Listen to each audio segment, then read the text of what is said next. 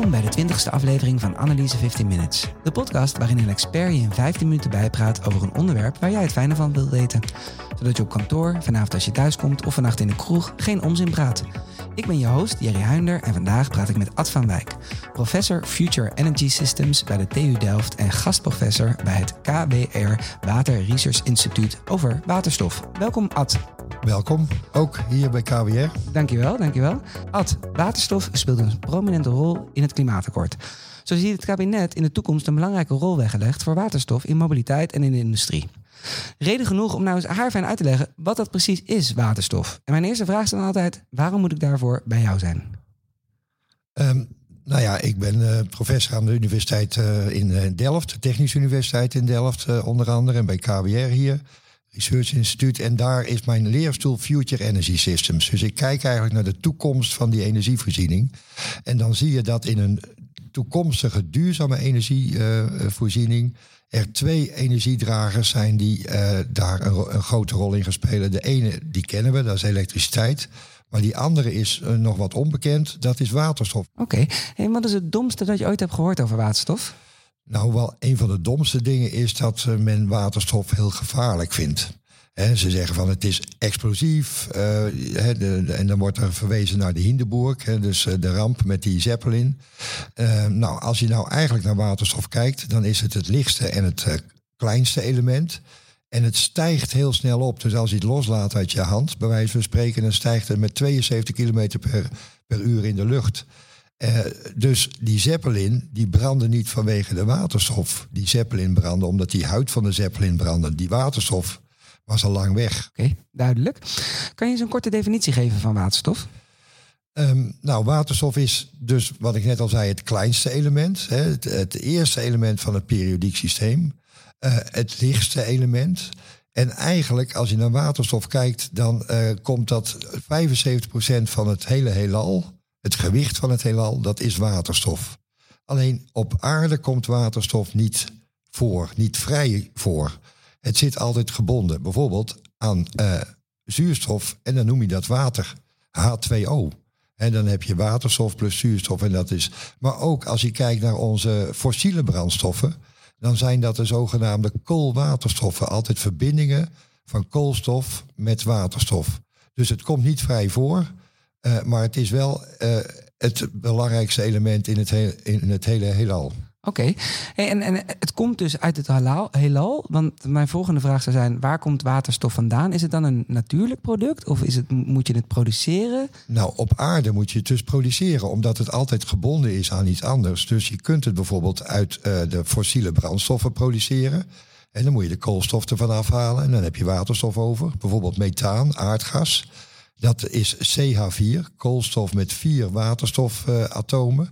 Uh, als je dat dus, uh, nou ja, daar stoom bij brengt, dan kun je er CO2 van maken. Dat is het broeikasgas, gaat dan de lucht in. Maar dan hou je ook weer waterstof over, wat je dan kan gebruiken. En dat gebruiken we, dat doen we al heel veel in de industrie. Hè? Zo op deze manier waterstof maken en gebruiken voor in raffinaderijen bijvoorbeeld om nou, de olieproducten benzine te maken. En dan mis je waterstof, er moet erbij. Uh, maar je kunt het ook uit water maken. Door elektriciteit in water te stoppen, splits je eigenlijk dat watermolecuul H2O in waterstof en zuurstof. En zo kun je ook waterstof maken. Ja, precies. Hey, en, en de eerste toepassing, het lijkt me niet dat we dat willen. Want, want ik heb gelezen over groene, grijze en blauwe waterstof. Ja, waterstof is geen onbekende. We gebruiken het in de industrie, vooral in de chemie en in de raffinaderijen heel veel. Maar we maken het nu uit de fossiele brandstoffen. En die CO2 die daarbij vrijkomt, die, ja, die gaat de lucht in. En dan noemen we dat grijze waterstof. Nou, eh, als we nou die CO2 afvangen, want dat is een hele zuivere stroom als we dat uh, waterstof maken, dan kunnen we dat afvangen en bijvoorbeeld opbergen in een uh, leeg gasveld onder de zeebodem. Dan noem je het blauwe waterstof. Uh, maar dat is allemaal nog uit fossiele uh, brandstoffen eigenlijk. Uh, eigenlijk willen we natuurlijk naar duurzame, groene waterstof. dat kunnen we ook weer op verschillende manieren maken. We kunnen dat doen door bijvoorbeeld groene stroom, geen kolenstroom, maar groene stroom uit zon en wind bijvoorbeeld, in een bak water te stoppen en dan dat water te splitsen in waterstof en zuurstof. Dat is groene waterstof dan. Maar eigenlijk is groene waterstof ook als we bijvoorbeeld biogas gebruiken in plaats van aardgas. En dat dan splitsen in waterstof en, uh, en CO2. Dan is dat eigenlijk ook groene waterstof. Dus het hangt van de bron af of je het groen noemt of grijs. En als je dan bij uh, fossiel uh, de, de, de CO2 afvangt, dan noem je dat nog weer blauw. Oké. Hey, en heel even, heel even naar de elektrische kant. Dus stel, ik maak via windenergie uh, maak ik, maak ik elektriciteit. Dat stop ik in een bak water. En dan kan ik het, het waterstof scheiden van. Ja, nee, dan kan je. Dat H2O, dat is het molecuul water. Ja. En dat splitst zich dan in waterstof, H2 en zuurstof, ook twee. Ja, en in die waterstof zit dan die elektriciteit ook? In feite is dat dan de energiedrager die je uit elektriciteit hebt gemaakt. Ja, precies. En wat, wat kunnen we daar dan mee met die, met, die, met die waterstof? Ja, nou ja, waterstof is net zoals elke ander gas, net zoals aardgas. Het is eigenlijk een energiedrager. Je kunt het, uh, het is een gas, hè, dus uh, je kunt het door een pijplijn vervoeren. Uh, en dat is eigenlijk, uh, ja, dan heb je uh, geen verliezen in die pijpleiding. maar je kunt het ook daardoor veel goedkoper vervoeren dan elektriciteit via een kabel. En dus dat is een groot voordeel. En het andere grote voordeel is dat je waterstof, net zoals aardgas, eigenlijk heel goedkoop kunt opslaan. Bijvoorbeeld in lege zoutkoepels. Dus zout waar de, AXO, dat heet nu Nourion, heeft daar dat zout uitgewonnen. Er ontstaat een holte. En in die holte kun je aardgas opslaan. Dat doen we nu ook.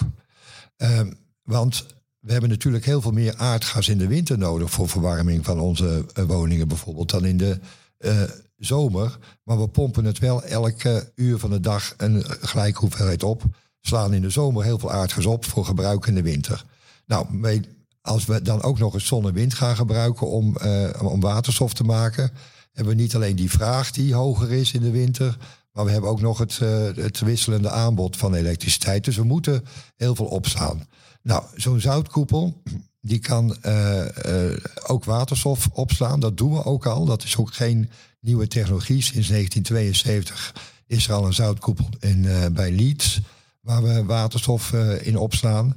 En daar kun je hele grote hoeveelheden in opslaan. Dus en zo'n zoutkoepel kan zo'n 240 miljoen kilowatturen aan, uh, aan energie opslaan. Nou, en het kost zo'n 100 miljoen, zo'n installatie. Maar als je 240 miljoen kilowatturen in een uh, batterij zou moeten opslaan, nou, dan kost het zo'n 100 euro per, uh, per kilowattuur opslagcapaciteit. Dat is 24 miljard.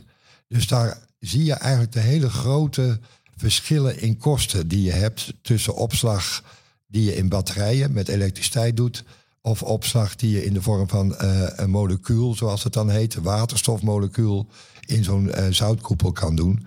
Bovendien zijn de transportkosten uh, ook vele malen goedkoper dan bij elektriciteit. Dus het is een energiedrager waar we eigenlijk ver weg goedkoop bijvoorbeeld stroom met zon en wind kunnen maken waar de zon hard schijnt of de wind heel hard blaast.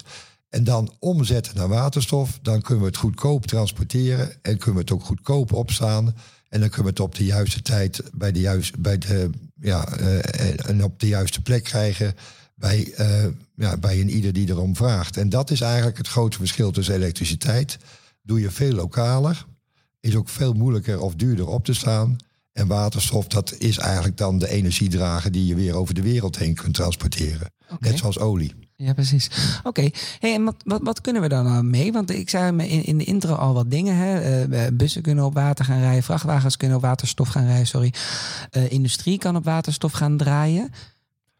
Klopt dat? Ja. ja. Uh, nogmaals, er wordt in de industrie natuurlijk al behoorlijk wat waterstof gebruikt. Mm -hmm. hè, dus, maar dat is nu grijze waterstof. Dus dat willen we eigenlijk vervangen door schone waterstof natuurlijk. Ehm, en, uh, maar je kunt ook in andere sectoren die waterstof toepassen. En eigenlijk kun je waterstof op dezelfde manier toepassen als aardgas. En dus je kunt het verbranden. Nou, dan levert het warmte op, bijvoorbeeld bij je thuis. Mm -hmm. uh, je kunt er ook weer elektriciteit van maken. Dat is de nieuwe technologie die we dan hebben. Dat heet de brandstofcel. Ja, dus, er staat brandstofcel in, maar je verbrandt het niet. Het is eigenlijk een chemische reactie waarmee je de zuurstof uit de lucht weer laat reageren met het waterstof, dan krijg je weer elektriciteit en water. Dus het, precies het omgekeerde van hoe je het maakt. Ja, precies. En eh, dan heb je die elektriciteit weer en daar kun je dan weer van alles mee doen. Hè. Dat eh, is gewoon eigenlijk om eh, het, balanceren goed te doen. Dus je hebt waterstof opgeslagen. En als je dan tekort komt met zon en wind, dan maak je eigenlijk met, met een brandstofcel uit waterstof weer elektriciteit. Maar je kunt het ook gewoon eh, in je huis gebruiken om, eh, om warmte te maken via gewoon een ketel. Die heeft wel een wat andere brander. Maar dat is eigenlijk het enige verschil. Dus waterstof kan je op precies dezelfde manier toepassen als, als aardgas. En ook in de, en dat is eigenlijk het nieuwe, dat is ook met die brandstofcel, ook dus in mobiliteit, kan je met waterstof aan boord weer elektriciteit maken. Dan kun je veel sneller tanken. Dus je tankt weer in drie, vier minuten en je rijdt weer 500, 600 kilometer. En dat is eigenlijk het grote verschil met elektriciteit. Ehm, dat je minder eh, lang hoeft te, hoeft te tanken, om het maar zo te zeggen. En dat je grotere afstanden kunt afleggen. En daarom is waterstof juist voor trucks en bussen en boten en dat soort dingen. Dus eh, groter, zwaarder vervoer, langere afstanden is het juist zo'n interessante oplossing. Omdat het eigenlijk ook elektrisch rijden is. Alleen je maakt de elektriciteit aan boord met waterstof. En waarom dan niet voor personenauto's? Eh, kan ook, kan ook. Maar eh, dat is de keuze van de consument. Ja, precies. Dat is eigenlijk, want eigenlijk zou het allebei kunnen, maar op dit moment wordt er gewoon ingezet op elektrisch. Op, op, Ehm, op batterij. Op batterij elektrisch. Ja, eigenlijk is het allebei elektrisch. Ja, precies. En tot nu toe was eigenlijk batterij dan ehm, in Nederland zeker ehm, ja, was dominant aanwezig. Maar je moet je wel bedenken, in andere landen zoals Japan of Duitsland, ja, daar wordt ook heel veel meer gekeken naar, ehm, naar waterstof. Met name in landen die groter zijn, grotere afstanden. Ik bedoel, hier zijn we toch eh, in 200 kilometer zitten we in Groningen. En dat is eigenlijk allemaal niks. Eh, maar als je grotere landen hebt, ja, dan heb je ook grotere afstanden vaak te, over, te overbruggen. Die landen kijken veel meer. In Duitsland heb je op dit moment al 80 tankstations waterstof. Ja, wij hebben er eh, drie, vier. Duidelijk. Wat zijn de knelpunten voor het gebruik van waterstof? Ehm, nou ja, allereerst natuurlijk, het moet ook weer veilig gebeuren. eh, maar dat geldt met elke energievorm. En eh, wat je dus ziet, is dat er die veiligheidsnormen en voorschriften, die hebben wij nog niet in de publieke ruimte. Hè. Dus we hebben dat wel in de industrie. Maar het verbranden van waterstof in huis bijvoorbeeld, ja, daar, gelden geen, daar zijn geen normen voor. En daar, daar moet je dus, eh, ja, dat moet allemaal nog ontwikkeld worden en eh, dat duurt lang. Nou, waterstof is ook nog geen energiedrager zoals elektriciteit of aardgas dat is. Er is nog geen infrastructuur. Ja, die hebben we in principe wel, maar er zit nu aardgas in. Nou, in de, in de wet staat dat wij in die publieke eh, aardgasinfrastructuur, door die pijpleidingen, dat we daar geen waterstof doorheen mogen vervoeren. Dat komt eh, in de definitie van, eh, van de kwaliteit van het, eh, van het aardgas. Maar zo'n wet moet dus aangepast worden. Wil eigenlijk waterstof, wil je het mogelijk maken om waterstof door die pijpleidingen aan.